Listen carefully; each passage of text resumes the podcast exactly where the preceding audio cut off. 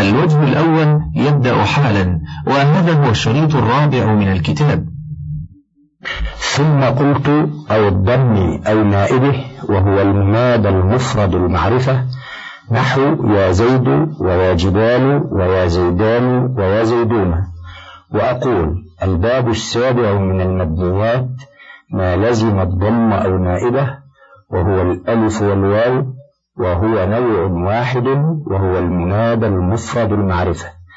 ونعني بالمفرد ما ليس مضافا ولا شبيها به ولو كان مثنى أو مجموعة وقد سبق هذا عند الكلام على اسم الله ونعني بالمعرفة ما أريد به معين سواء كان علما أو غيره. فهذا النوع يبنى على الضم في مسألتين. إحداهما أن يكون غير مثنى ولا مجموع جمع مذكر سالما نحو يا زيد ويا رجل وقول الله تعالى يا نوح إنه ليس من أهلك يا نوح اهبط بسلام يا صالح ائتنا يا هود ما جئتنا ببينة. الثانية أن يكون جمع تكسير نحو قولك يا زيود وقوله تعالى يا جبال أوبي معه ويبنى على الألف إن كان مثنى نحو يا زيدان ويا رجلان إذا أريد بهما معين. ويبنى على الواو إن كان جمع مذكر سالما نحو يا زيدون يا مسلمون إذا أريد بهما معين. وأما إذا كان المنادى مضافا أو شبيها بالمضاف أو نكرة غير معينة فإنه يعرب نصبا على المفعولية فلا يدخل في باب البناء. فالمضاف كقولك يا عبد الله ويا رسول الله. وفي التنزيل قل اللهم فاطر السماوات والأرض أي يا فاطر السماوات. أن أدوا إلي عباد الله أي يا عباد الله. ويجوز أن يكون عباد الله مفعولا بأدوا كقوله أن أرسل معنا بني إسرائيل. ويجوز أن يكون فاطر صفة لاسم الله تعالى خلافا لسيبويه. والشبيه بالمضاف هو ما اتصل به شيء من تمام معناه. كقولك يا كثيرا بره ويا مفيدا خيره ويا رفيقا بالعباد.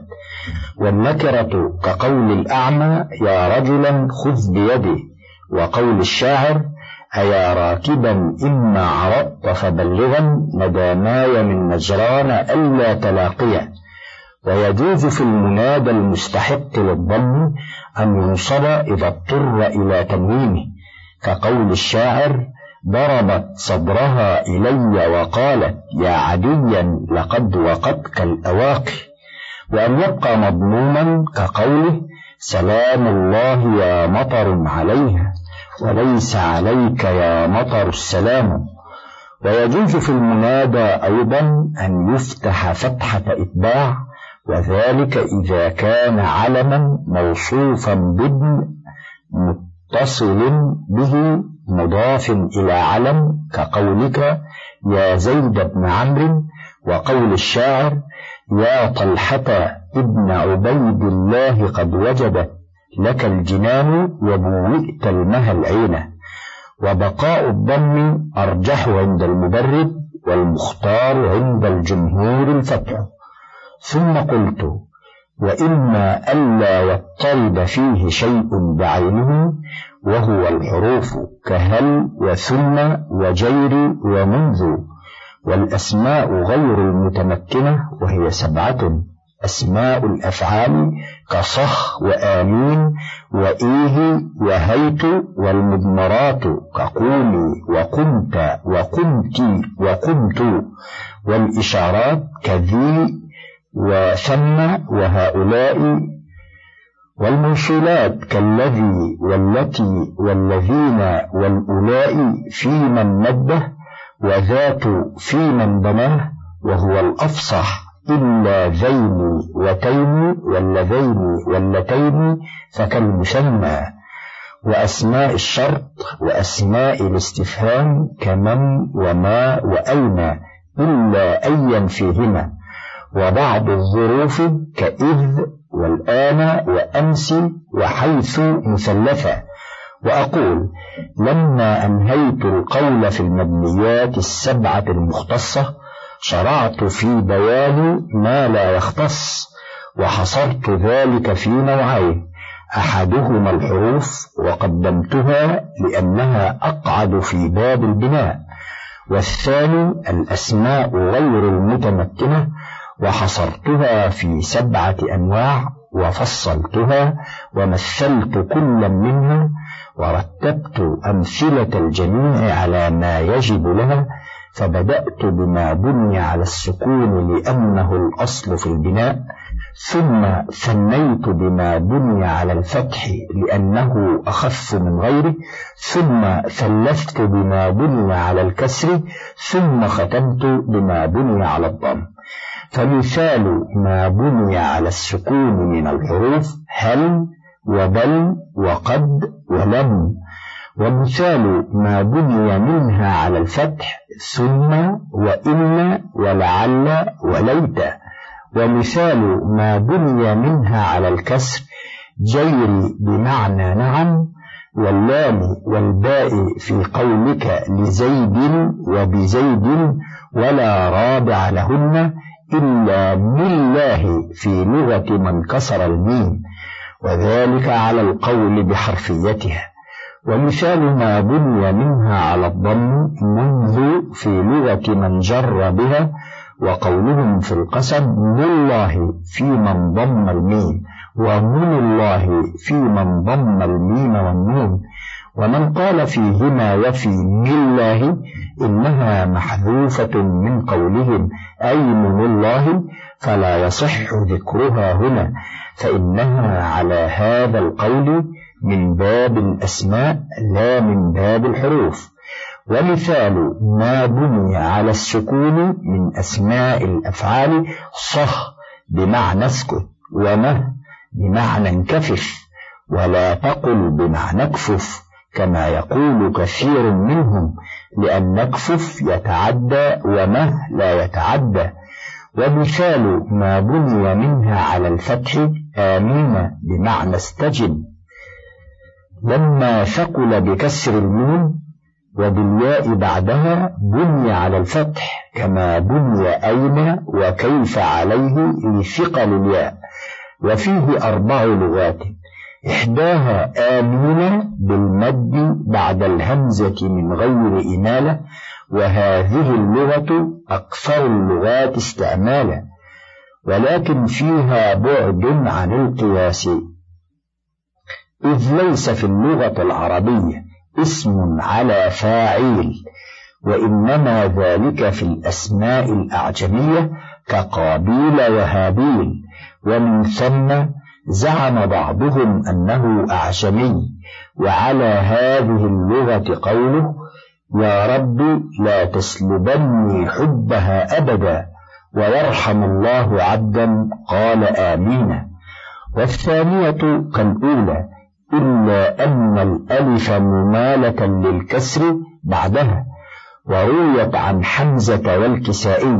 والثالثة أمين بقصر الألف على وزن قدير وبصير. قال أمين فزاد الله ما بيننا بعدا. وهذه اللغة أفصح في القياس وأقل في الاستعمال حتى إن بعضهم أنكرها. قال صاحب الإكمال حكى ثعلب القصر وأنكره غيره وقال إنما جاء مقصورا في الشعر. انتهى. وانعكس القول عن ثعلب على ابن قرقول فقال أنكر ثعلب القصر إلا في الشعر وصححه غيره. وقال صاحب التحرير في شرح مسلم وقد قال جماعة إن القصر لم يجئ عن العرب وإن البيت إنما هو فآمين زاد الله ما بيننا بعدا والرابعة آمين بالمد وتشديد الميم روي ذلك عن الحسن والحسين بن الفضل وعن جعفر الصادق وأنه قال تأويله قاصدين نحوك وأنت أكرم من أن تخيب قاصدا نقل ذلك عنهم الواحدي في البسيط وقال صاحب الإكمال حكى الداودي تشديد الميم مع المد وقال وهي لغة شاذة ولم يعرفها غيره. انتهى. قلت أنكر ثعلب والجوهري والجمهور أن يكون ذلك لغة. وقالوا لا نعرف آمين إلا جمعا بمعنى قاصدين كقوله تعالى ولا آمين البيت الحرام. ومثال ما بني منها على الكسر إيه بمعنى امض في حديثك ولا تقل بمعنى حدث كما يقولون لما بينت لك في نه وأما قوله إيه أحاديث نعمان وساكنه فليس بعربي. وعند الأصمعي أنها لا تستعمل إلا منونة. وخالفوه في ذلك واستدلوا بقول ذي الرمة وقفنا فقلنا إيه عن أم سالم وكان الأصمعي يخطئ ذا الرمة في ذلك وغيره ولا يحتج بكلامه. ومثال ما بني منها على الضم هيت بمعنى تهيأت قال تعالى وقالت هيت لك. وقيل المعنى هلم لك. فلك تبيين مثل سقيا لك. وقرئ مثلثة بالتاء فالكسر على أصل التقاء الساكنين والفتح للتخفيف كما في أين وكيف والضم تشبيها بحيث وقرئ هئت بكسر الهاء وبالهمزة ساكنة وبضم التاء وهو على هذا فعل ماض وفاعل من هاء وهاء كشاء يشاء أو من هاء وهيء كجاء يجيء ومثال ما بني من المضمرات على السكون قوموا وقوما وقوموا. ومثال ما بني منها على الفتح قمت للمخاطب المذكر. ومثال ما بني منها على الكسر قمت للمخاطبة. ومثال ما بني منها على الضم قمت للمتكلم. ومثال ما بني على السكون من أسماء الإشارة ذا للمذكر وذي للمؤنث. ومثال ما بني منها على الفتح ثم بفتح الثاء. إشارة إلى المكان البعيد. قال الله تعالى وأزلفنا ثم الآخرين.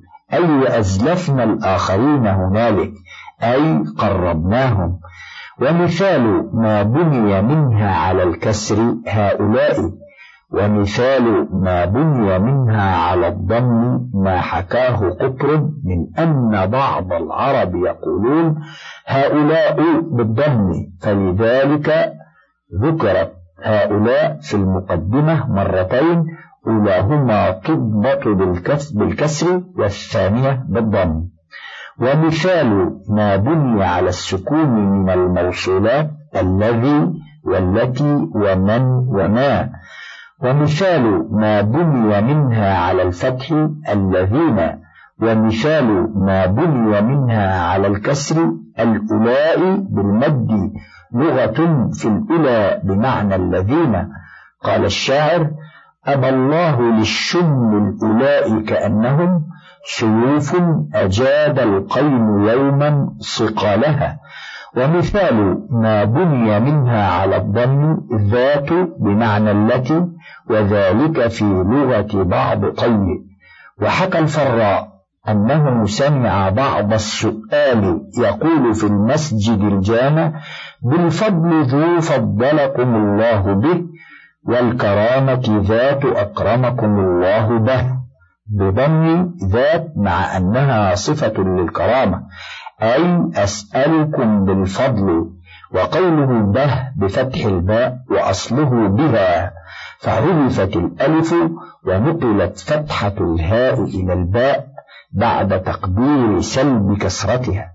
ثم استثنيت من أسماء الإشارة والأسماء الموصولة ذين وتين واللذين واللتين فذكرت أنهما كالمثنى وأعني بذلك أنهما معربان بالألف رفعا وبالياء المفتوح ما قبلها جرا ونصبا.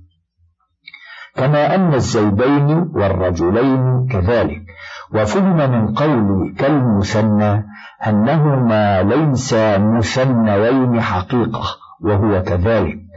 وذلك لأنه لا يجوز أن يثنى من المعارف إلا ما يقبل التنكير كزيد وعمر ألا ترى أنهما لما اعتقد فيهما الشياع والتنكير جازت تثنيتهما ولهذا قلت الزيدان والعمران فأدخلت عليهما حرف التعريف ولو كانا باقيين على تعريف العلمية لم يجز دخول حرف التعريف عليهما وذا والذي لا يقبلان التنكير.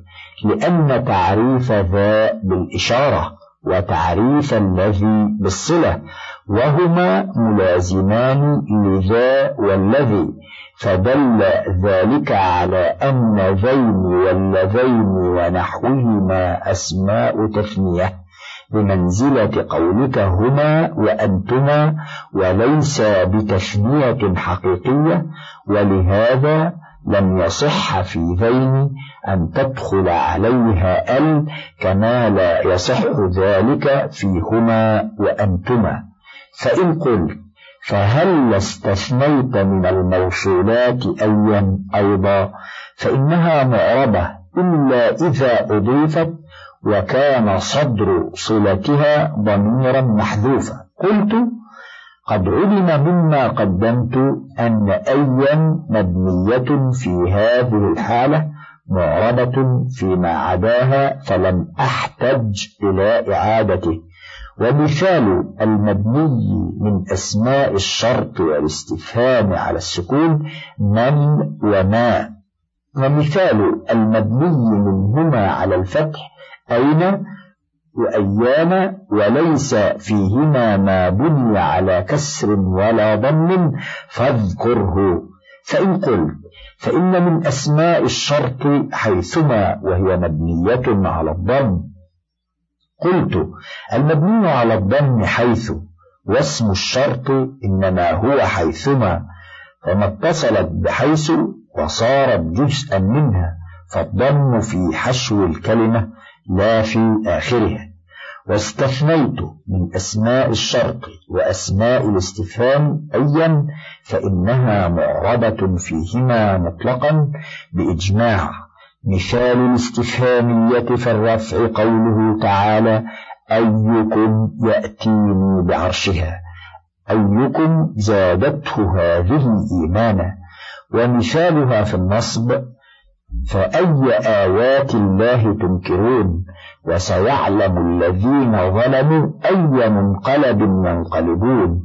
فأيكم فيها مبتدأ؟ وأي من قوله فأي آيات الله تنكرون؟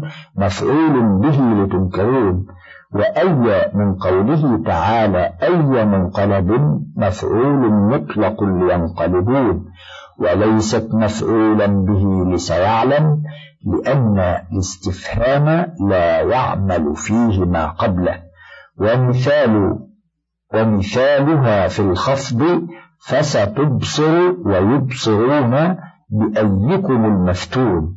وأي في هذه الآية مخفوضة لفظا مرفوعة محلا لأنها مبتدأ والباء زائدة. والأصل أيكم المفتون والجملة نصب بتبصروا أو يبصرون لأنهما تنازعاها وهما معلقان عن العمل بالاستفهام وفي الآية مباحث أخر.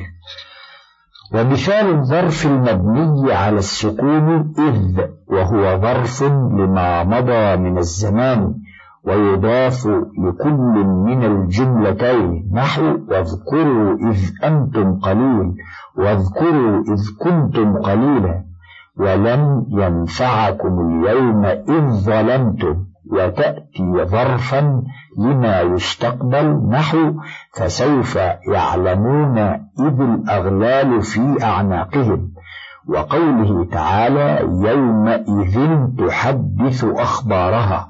بعد قوله سبحانه إذا زلزلت الأرض زلزالها وتأتي للتعليل نحو وإذا اعتزلتموهم وما يعبدون إلا الله فأووا إلى الكهف أي ولأجل اعتزالكم إياه. والاستثناء في الآية متصل إن كان هؤلاء القوم يعبدون الله وغيره. ومنقطع إن كانوا يخصون غير الله سبحانه بالعبادة. وكذلك البحث في قوله تعالى قال أفرأيتم ما كنتم تعبدون أنتم وآباؤكم الأقدمون فإنهم عدو لي إلا رب العالمين.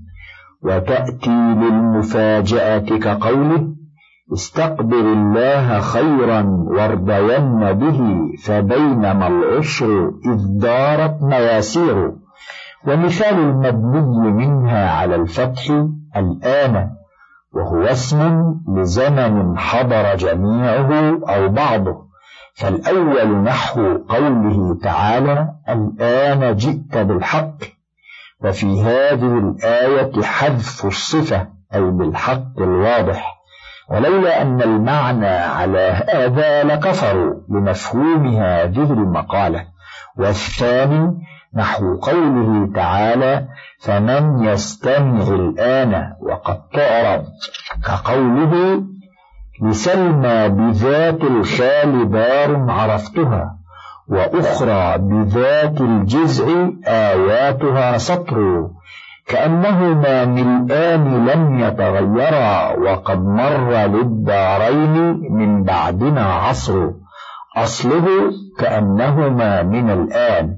فحذف نون من لالتقائها ساكنة مع لام الآن ولم يحركها لالتقاء الساكنين كما هو الغالب.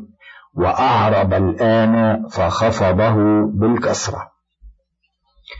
ومثال ما بني منها على الكسر أمس وقد مضى شرحه وإنما ذكرته هناك لشبهه بمسألة حذان في اختلاف الحجازيين والتميميين فيه وإنما كان حقه أن يذكر هنا خاصة لأنه كلمة بعينها وليس فردا داخلا تحت قاعدة كلية.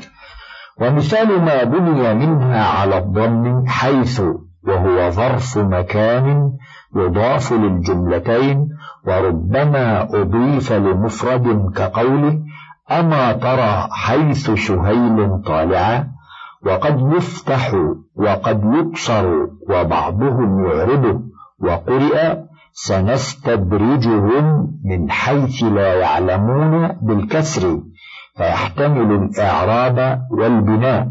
ثم قلت باب الاسم نكرة وهو ما يقبل ربه. وأقول ينقسم الاسم بحسب التنكير والتعريف إلى قسمين نكرة وهو الأصل.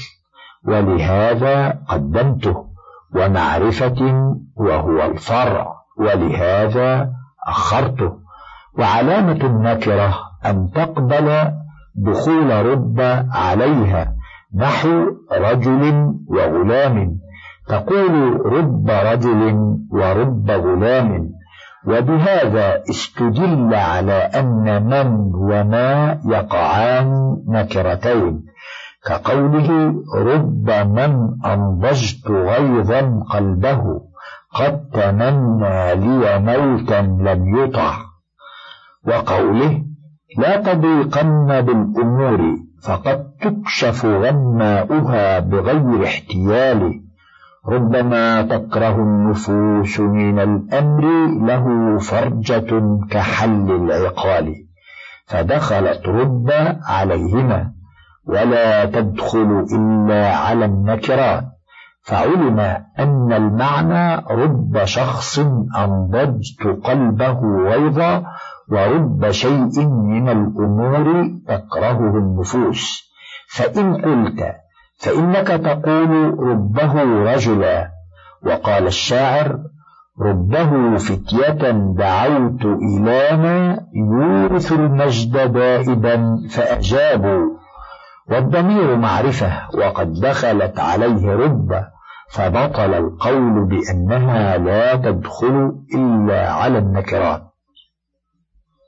قلت لا نسلم أن الضمير فيما أوردته معرفة بل هو نكرة. وذلك لأن الضمير في المثال والبيت راجع إلى ما بعده من قولك رجلا وقول الشاعر فتية وهما نكرتان. وقد اختلف النحويون في الضمير الراجع إلى النكرة هل هو نكرة أو معرفة على مذاهب ثلاثة. أحدها أنه نكرة مطلقة والثاني أنه معرفة مطلقة والثالث أن النكرة التي يرجع إليها ذلك الضمير إما أن تكون واجبة التنكير أو جائزته. فإن كانت واجبة التنكير كما في المثال والبيت فالضمير نكرة وإن كانت جائزته كما في قولك جاءني رجل فأكرمته فالضمير معرفة وإنما كانت النكرة في المثال والبيت واجبة التنكير لأنها تمييز والتمييز لا يكون إلا نكرة. وإنما كانت في قولك جاءني رجل فأكرمته جائزة التنكير لأنها فاعل والفاعل لا يجب أن يكون نكرة بل يجوز أن يكون نكرة وأن يكون معرفة. تقول جاءني رجل وجاءني زيد. ثم قلت ومعرفة وهي ستة. أحدها المضمر. وهو ما دل على متكلم أو مخاطب أو غائب. وأقول أنواع المعارف ستة. أحدها المضمر ويسمى الضمير أيضا. ويسميه الكوفيون الكناية والمكنى. وإنما بدأت به لأنه أعرف الأنواع الستة على الصحيح. وهو عبارة عن ما دل على متكلم نحو أنا ونحن أو مخاطب نحو أنت وأنتما أو غائب نحو هو وهما. وإنما سمي مضمرا من قولهم أضمرت الشيء إذا سترته وأخفيته ومنه قولهم أضمرت الشيء في نفسي. أو من الضمور وهو الهزال لأنه في الغالب قليل الحروف. ثم تلك الحروف الموضوعة له غالبا مهموسة وهي التاء والكاف والهاء والهمس هو الصوت الخفي. فإن قلت يرد على الحد الذي ذكرته للمضمر الكاف من ذلك فإنها دالة على المخاطب. وليست ضميرا باتفاق البصريين وإنما هي حرف لا محل لها من الإعراب. قلت لا نسلم أنها دالة على المخاطب وإنما هي دالة على الخطاب فهي حرف دال على معنى ولا دلالة له على الذات البتة وكذلك أيضا الياء في إياي والكاف في إياك والهاء في إياه. ليست مضمرات وإنما هي على الصحيح حروف دالة على مجرد التكلم والخطاب والغيبة والدال على المتكلم والمخاطب والغائب.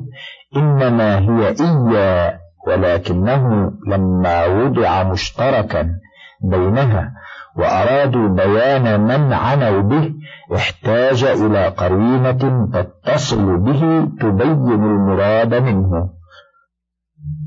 انتهى الوجه الأول.